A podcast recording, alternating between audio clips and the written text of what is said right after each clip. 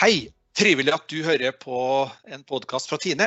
I dag skal vi sette lyskasteren på et viktig tema i husdyrholdet, nemlig avl. Jeg har vært så heldig å få med meg deltakere fra tre ulike organisasjoner som fra hvert sitt ståsted skal dele både erfaringer og tanker rundt temaet, nemlig god avlsplanlegging.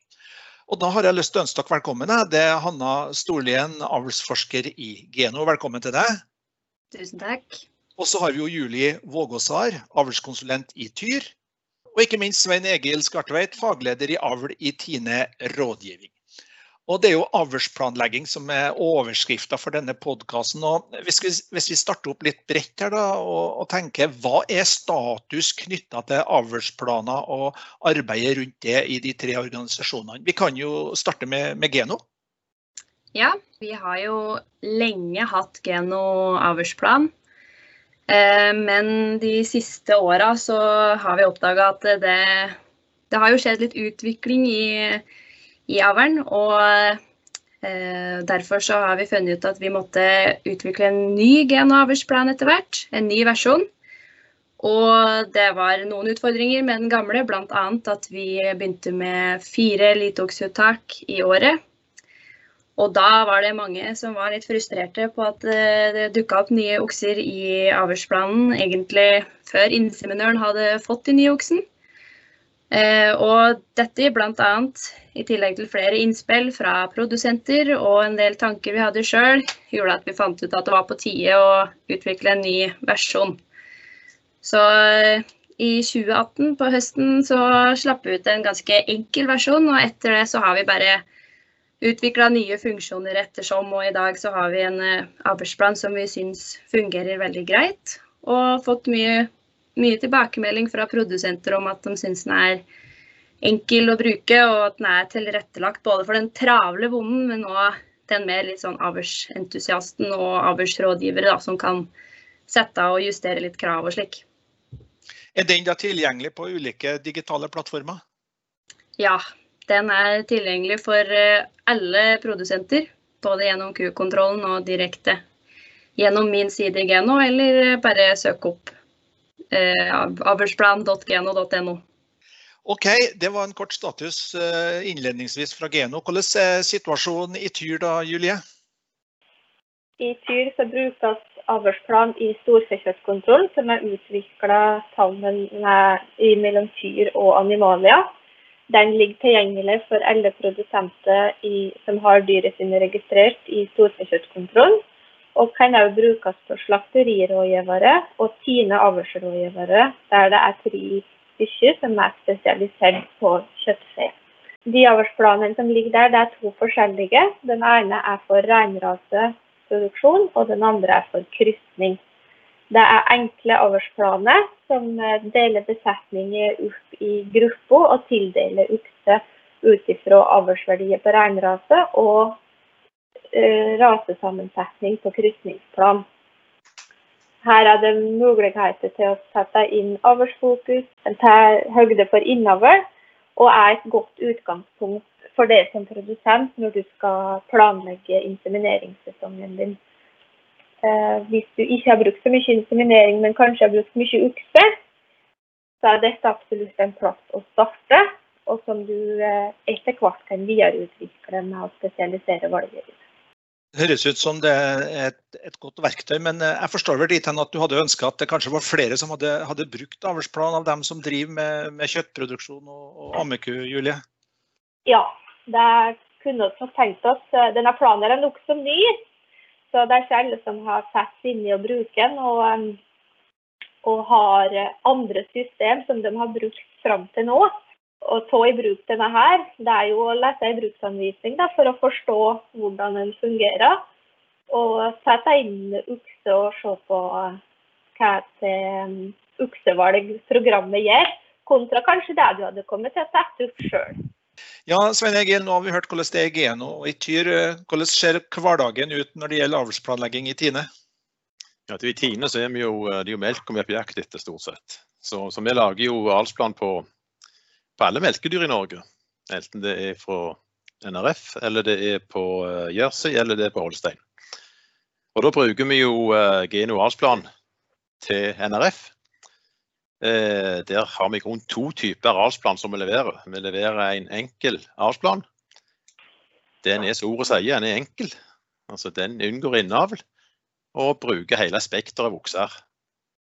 Vi kan jo liksom si at det er en avlsplan, men det er jo kanskje en liten markedsplan i tillegg. Altså, vi får solgt alle dosene, og vi får spredt de utover landet. Så har vi en som heter Avlsplan Super. Det er en, eh, vi bruker samme planen, men vi gir justeringer i den. Vi tar en runde på, på bruket, der vi ser på hver enkelt ku og diskuterer den. Hva, hva utfordringer har du her? Og så velger vi inn f.eks. fettprosent eller beinstilling eller speneplassering. Alt dette det som vi syns passer.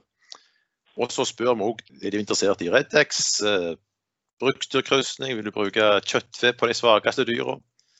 Skal dyret være med videre, f.eks.? Det er òg et spørsmål.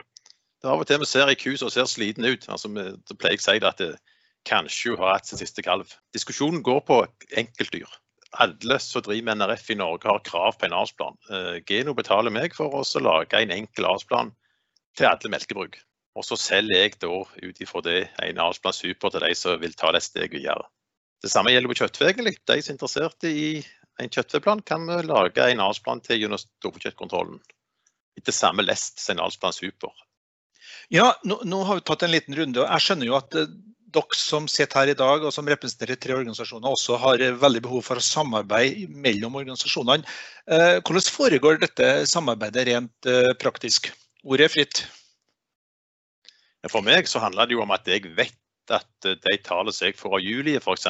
på kalvingsforløp på den kjærlige oksen, kan jeg stole på. At jeg kan bruke denne i besetningen uten at jeg ligger våken om netten og lurer på hvordan går det i kalvinga. Og så er det jo veldig mange produsenter som ja, driver litt kombinert. Og de aller fleste ønsker seg vel kanskje egentlig én avlsplan. Og slippe å forholde seg til to forskjellige, for, eh, en for kjøttfe og en for uh, mjølkekua. Og så ser vi jo at det er flere og flere som bruker kjøttfe inn uh, på, som Svein Egil nevnte, de dyra kanskje ikke har tenkt å satse videre på. At de bruker kjøttfesæd i stedet. Og da er det veldig greit å kunne ha det inn i den samme avlsplanen.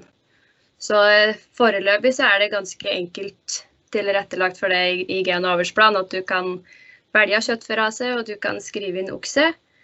Eh, men på sikt så håper vi å få på plass en løsning der, kan, der vi kan legge inn noen sperrer f.eks. For, for å forhindre kalvingsvansker og sånne ting. da.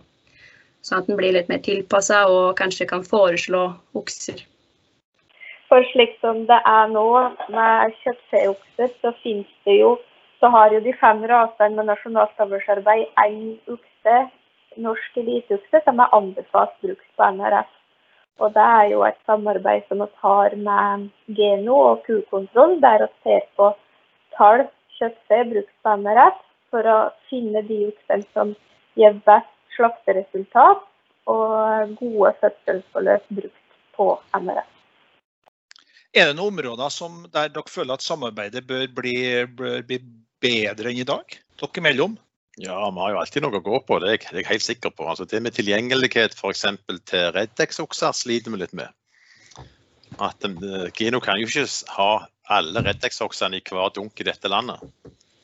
Så hvis vi klarer å få til en, en, samhandling der med at jeg som malsplanlegger vet hva som ligger i dunken til den enkelte inseminør i det området, så, vi jobber jo egentlig mot et felles mål, det er å redusere svinnet. For det, det, koster jo, det, koster jo, penger, de dosene som ligger i dunkene.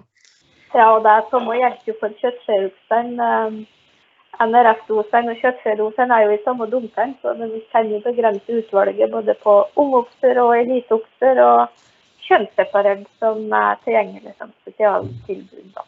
Jeg ser du, Hanna, du nikker her. Eh, betyr det at det her er ønsker som, som det går an å, å jobbe med å forbedre? Ja, og vi er for så vidt allerede litt i gang med, å, med det. Um, uh, fordi at en, vi prøver å jobbe mot en løsning som synkroniserer avlsplanen mot dunken til inseminøren. Sånn at eh, når, når, en produsent har en avlsplan, så er den synkronisert med dunken til inseminøren som hører til den gården. Og det er jo en måte for at både bonden skal eh, være fornøyd, for da har inseminøren de oksene som står på avlsplanen når han kommer på garden. Og så kan vi eh, samtidig forhindre at det, eh, blir vi, vi, ser på prognoser, da. Eh, og det, den prognosa sier noe om hvor mange doser det ønskes fra hver okse i forskjellige områder i landet. Og så kan vi da eh, sørge for at de dosene kommer til det området, og på den måten kanskje unngå mer svinn av enkeltokser. da. I enhver henseende så kan jo alltid dukke opp utfordringer og problemer. Hvis du, hvis du ser litt på de utfordringene som de tre organisasjonene har, da, hvilke snubletråder er det vi må prøve å hoppe over i avlsplanleggingsarbeidet? Jeg starter med deg, Julie. Eh, for kjøttfe sin del og mot NRF, så er det jo å kunne planlegge så du får sikre kalvinger. Og det gjelder jo òg for kjøttfebønder, men særlig på NRF, da, for det er to forskjellige raser og ikke sammenlignbare avlsverdimessig. Eh, men hele tida ta høyde for at du eh, er kjent med hva du putter inn i kua, og at, at du ikke tar sjanser når du velger ut utsatt kuer. Men Hvordan skal du få flere til å benytte seg av avlsplanlegging eh, i kjøttfebransjen? da? Det er også å få dem til å se uh, verdien av det. Og kunne sette seg opp en plan og få bestilt de dosene en trenger. Og eh, etter hvert se resultatet av å kombinere rett genetikk, så du oppnår de målene du har. F.eks. at uh, hvis du ønsker at avkommene dine skal være tyngre når du slakter dem, og at du da velger en okse som er god for slaktevekt, så ser du at det lønner seg. Istedenfor at du velger en uh, tilfeldig en som kanskje har sine sterke sider på andre egenskaper, som f.eks. mjølkeevne. En utfordring som vi har sett litt tidligere, som vi prøver å jobbe litt imot, er jo da overbruk av enkeltokser. For det er jo ofte at det det er noen okser som skiller seg litt ut og blir veldig populære. Og da er det ofte noen som ønsker å bruke veldig mye ta denne oksen fordi at den, den er best. Men eh, målet vårt er jo uh, å skape genetisk variasjon, da. Og uten genetisk variasjon så er alle like. Og for å forhindre det så må vi ha mange okser å velge til, sånn at det er mulig å få til avlsframgang, da. Og på den måten også så ønsker vi at folk skal forstå at en veldig god okse er ikke nødvendigvis den beste oksen til alle kuene i besetninga di. Det vil alltid være noen andre okser som kanskje passer enda bedre til enkelte dyr i besetninga. Så det her med å optimalisere profilen og plukke ut okser som eh, passer best til dyra i fjøset, det er jo det gen- og avlsplan skal bidra med og hjelpe bøndene og, og rådgivere med. da. Eh, og det er jo det her med å ekskludere uheldige kombinasjoner med tanke på kalvingsvansker. Forhindre at uh, okser som gir store kalver, blir plassert på, som alternativ på små kviger. Uh, samtidig vi jo, tester vi for noen sånne genetiske defekter. Så avlsplanen forhindrer at en bærer av en sånn genetisk defekt blir plassert sammen med en annen bærer. Og så er det jo en veldig sterk innoverskontroll som ligger bak der og passer på. Og det er vi jo veldig opptatt av. Så målet med gen- og avlsplan er jo da at en skal lage gode kombinasjoner som ser på de kravene som er satt til avkommet på besetningsnivå. Og se på individvalgene som er satt per dyr, hvis det er noen, noen spesielle krav du ønsker per dyr. Og så optimal bruk av enkeltokser. Ja. Vi har en bruksprosent som passer på at alle oksen blir like mye, eller så å si like mye brukt.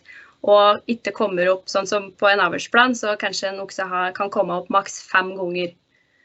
Og da står det det på bruksprosent. Men noen ganger så er det noen som har litt lavere bruksprosent, og da kan det hende at det er en veldig sånn populær slekt som det er veldig mye av. Og derfor så ønsker vi kanskje at de ja, de òg blir brukt, da. Så mm. Hvis det, det er en okse som er, har veldig høy avlsverdi og som er veldig god, så må vi sette et slags, et slags maksimumkrav. fordi det handler ikke bare om det, men det handler også om produksjon. At eh, den, en okse produserer jo ikke uendelig med doser. Så da er det jo for å sikre at alle får brukt alle oksen da, i hele landet. Men Sven Egil, når du hører den utfordringa som Geno har her nå, i, i, hvor stor grad kan du som avlsrådgiver være med å hjelpe til her? Eller, for det er, jo, det er jo til sjuende og sist bonden som bestemmer? Ja, det, det, er akkurat det det Og jeg tenker jo så at jeg skal jo ikke forsvare Geno sine standpunkt, jeg skal forklare dem. Så jeg prøver jo å forklare hva som ligger til grunn. Men så skjønner jo bonden òg når han kommer inn i butikken der og så ser han der ligger f.eks. skal kjøpe bukse. Så ligger der ei svart og ei rød og ei blå bukse der, og så sier jeg jeg vil ha ei svart. Nei, nå har du kjøpt to svarte, så nå må du kjøpe ei blå eller ei rød. Det er jo slik bonden tenker. At uh, jeg vil ha det som er til salgs. Altså, de er i butikken og handler en okse, han er til salgs, han er tilgjengelig. Så gjelder det å forklare hvorfor det er viktig at vi sprer disse genene som Hanna har sagt flere ganger her, så jeg syns er veldig viktig. At vi på en måte klarer å spre, uh, som ikke måles opp i et hjørne, at vi sitter bare med Reitan 2-avkom som far til både mor og far her. Ja, og En annen aspekt der er jo at vi nå passer på å kjøpe inn eh, okser etter alle eliteokser. Så det er ikke sånn at de som, de som gir best avkom, at det bare er dem vi kjøper inn okser etter. Det er veldig viktig at vi passer på å kjøpe inn etter alle eliteokser for å sikre at det ikke er én slekt som står igjen til slutt. Hva er det som er viktig og ikke minst, hva er det som er gevinsten når du, når du går løs på en avlsplan, Svein Egil? Jeg pleier å si det at uh, avlsplan er jo ett begrep. En annen ting er jo at vi kan jo nytte avlsplanen som en produksjonsplan. Der vi kan si noe om hva tid på året ønsker jeg f.eks. å ha hovedtyngden av mine kalvinger. Og slik som prisløypa er akkurat nå, så er det jo ønskelig å ha litt mer kalving på våren. Så for å få en beinere, melkeleveranse. Og Når det da gir seg utslag i høyere pris i tillegg, så kan en med å kombinere Redex-bruk på den tida som gjør at disse kalvene blir født på våren, som kan bidra i den melkeproduksjonen på sommeren. Samtidig så kan vi på eldre dyr, dyr som vi kanskje ikke ønsker skal være mor til morgendagens melkekyr, kan vi velge inn en kjøttfe som blir slakta i tidsrommet påske-sankthans, som gir høyest melkepris. Altså, dette kan vi sette litt i system, og så hjelper vi òg markedet. Så uh, igjen, det er jo bonden som betaler for produksjonen òg, og den skjeve produksjonen. Da, da synes jeg hører at det, det, er hva markedet etterspør som må være, være et viktig premiss i, i den planleggingsarbeidet. Ja, jeg synes det. Vi har jo um, f.eks. Angus-avtale òg nå. Altså der, der menykjeden ønsker et visst antall slakt. Slakteriet sitter på en måte bare og venter på at de slaktene skal komme inn. Men de kommer jo ikke inn hvis ingen har inseminert med en angusokse i forkant. Som avlsrådgiver så har vi jo i grunn, har grunn kontroll på mest alle bedekninger i melkefjos i Norge. Tenker dere likt også i, i, i Tyr på akkurat den biten knytta til markedet, Julie? Ja, vi gjør jo det. Det er jo å spisse inn eh, avkommer slik at de kan slaktes når det er best pris. Eh, en annen gevinst som eh, er viktig på kjøttfe, er at eh, når du har planlagt, satt opp en avlsplan og valgt ut de oksene du skal ha til forskjellige kyrne, så har du anledning til å få bestilt og sikre deg at du får de dosene du får. Det var prat om etterspørsel til doser og kanskje mangel på kapasitet i dunk og til inseminør, men hvis du setter opp en avlsplan og har oversikt over hva det okse du har tenkt å bruke, så kan du få bestilt dem i god tid og sikre at du faktisk får de kombinasjonene du har tenkt for å oppnå de målene du har satt. Nei, Mye har jo vært nevnt, men eh, det er jo det for gårdbrukeren. De har jo ofte noen mål som de setter seg på egenskapsnivå, f.eks. Og det å da se at det gir resultater, det er jo en stor gevinst. Så det å se at det er avlsframgang og at egenskaper kommer seg i besetningen, det er vel en stor gevinst i seg sjøl, da. Det som er så fint nå, syns jeg, det er at vi slipper å vente i mange år for å se om det stemmer. Vi kan faktisk GS-teste den kalven rett etter fødsel. Og se om at vi får framgang på jur og innhold og lunde og hva vi enn ønsker. Ja, og den eh, altså genotypinga som Svein Egil nevner nå, det, alle de resultatene fra det blir jo også sendt rett inn i avlsplanen og hjelper med å finne en okse som passer helt, helt ypperlig. Og så er det jo slektskapet som blir veldig mye mer presist når du har genotype av dyret. Og hvis den ikke er genotypa, så bruker vi noe som heter additivt slektskap, som da ser vi på stamtavlen lenger bak i tid. da. Jeg skjønner jo det at de tre organisasjonene har ulike roller i det her eh, med, med å få til gode avlsplaner. Eh, rådgiverbiten er jo viktig i Tine og i Tyr, mens dere skal jo være en, også en leverandør her, eh, Hanna, i Geno. Kan det skape utfordringer? Jeg føler jo egentlig at eh, avlsrådgivere de bruker jo eh, gen- avlsplan som et eh, verktøy. Og i avlsplanen så er jo okses, eh, oksebruken ganske spredt. Eh, det er veldig Og da blir jo egentlig ikke det noen utfordring i seg sjøl, men så har det jo noen produsenter som kanskje har sett seg ut at eh, de skal kun bruke den gjengen her med okser. Og da er jo avlsrådgivere også nødt til å følge de ønskene som de får fra sine kunder, eller fra produsenter. Uh, og, men det, jeg, vil, jeg vil ikke tro at det er så veldig mange det gjelder, men det er så klart noen, og det, sånn er det bare. Men jeg ser ikke på det som noe stort problem. GNO-avlsplanen er jo blitt bedre eller kan egentlig være i utgangspunktet, og iallfall mye bedre enn den var før. Uh, for det er jo de bøndene som har egen dunk. Og de kan jo gå til Geno, og så kan de kjøpe ti, av, ti doser av tre okser, f.eks. Og så når vi før i gamle dager kom ut og skulle lage en plan på det, så gikk ikke det. Men, men det kan vi gjøre i dag. altså. En, en, en, bonde som har kjøpt sine doser, kan vi faktisk lage plan på, selv om han har kjøpt få, få uh, individ. Så det er egentlig bare at uh, jobben er også at bøndene skal få forståelse av verdien i å bruke mange forskjellige okser. da. Men så har vi jo det at eh, mange oppfatter Geno som en eh, kaller gjerne en våpendrager for eh, NRF-kua. og Hvordan blir det oppfatta f.eks. I, i Tyr, som, der dere skal ivareta ti, ti ulike raser, Julie? At Geno blir oppfatta som en skal vi si, nesten mor og far til, til NRF-kua?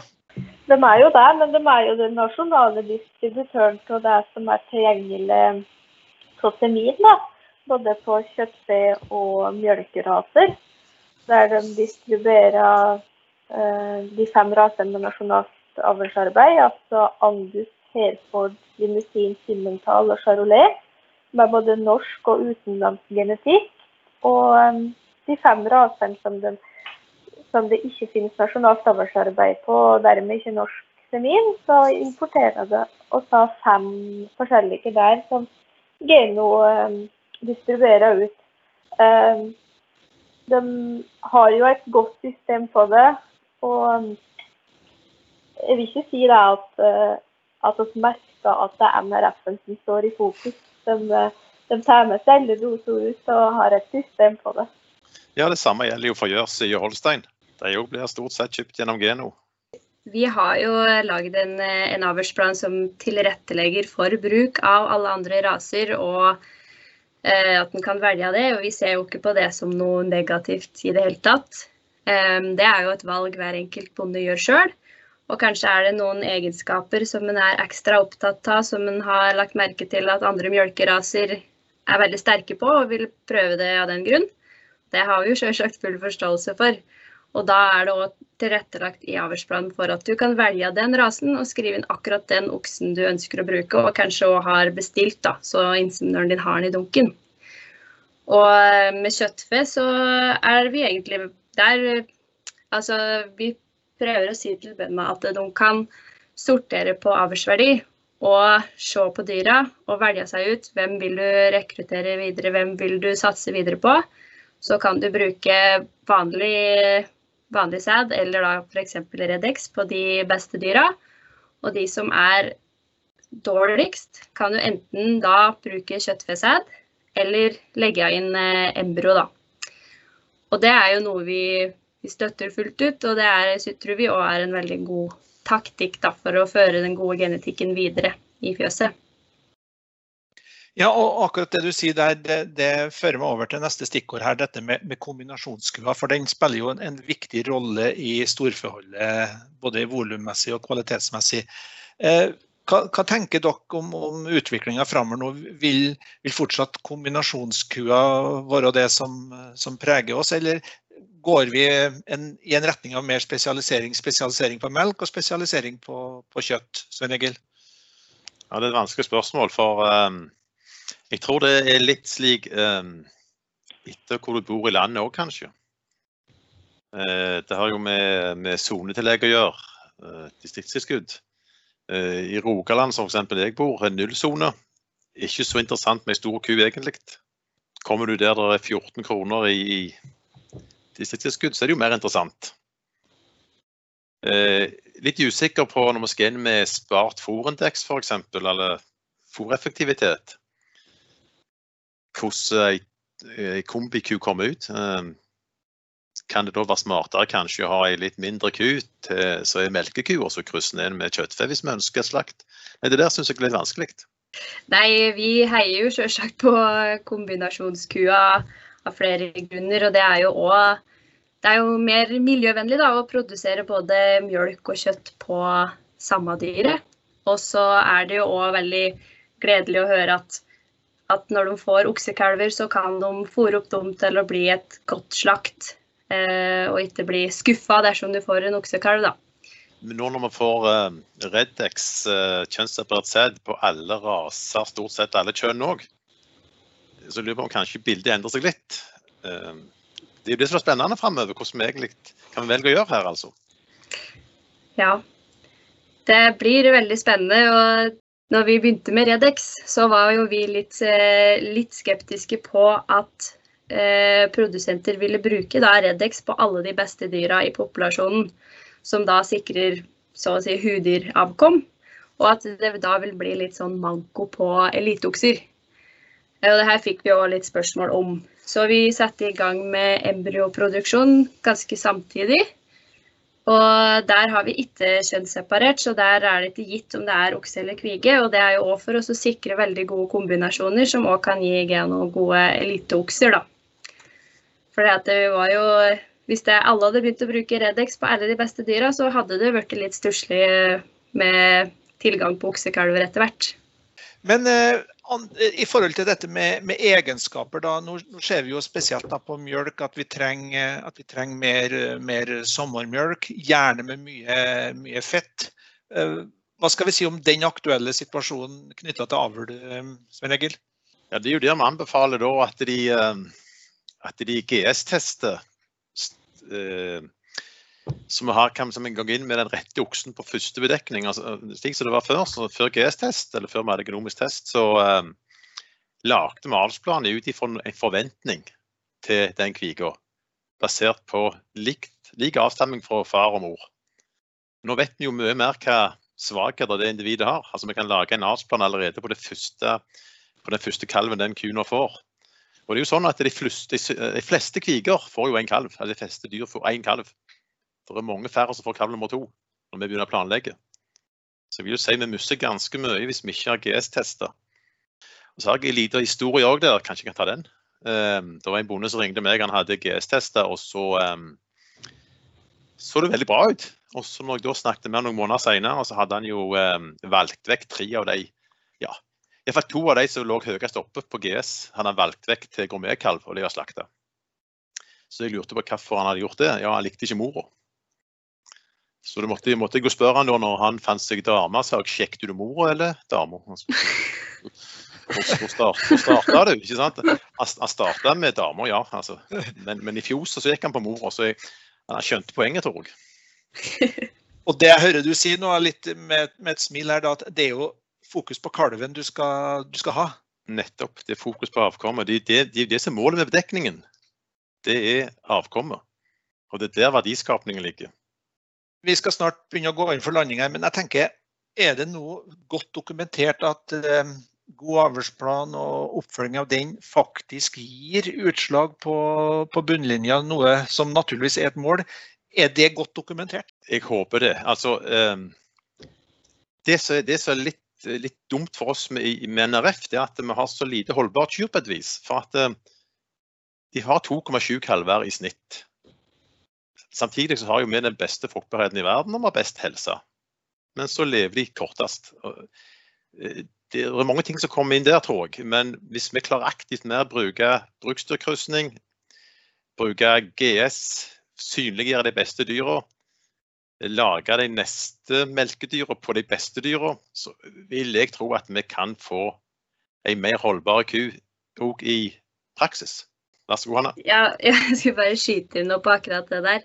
Og det er jo eh, For jeg har diskutert det her med litt eh, folk i utlandet, som òg stussa litt på at vi hadde så veldig Vi hadde litt mye mindre holdbare dyr. Og eh, noen viktige ting å nevne der er jo bl.a. at vi har kvotesystemet, som gjør at i enkelte tilfeller så er det, ser en seg nødt til å kvitte seg med noen dyr fordi at den har for mye mjølk.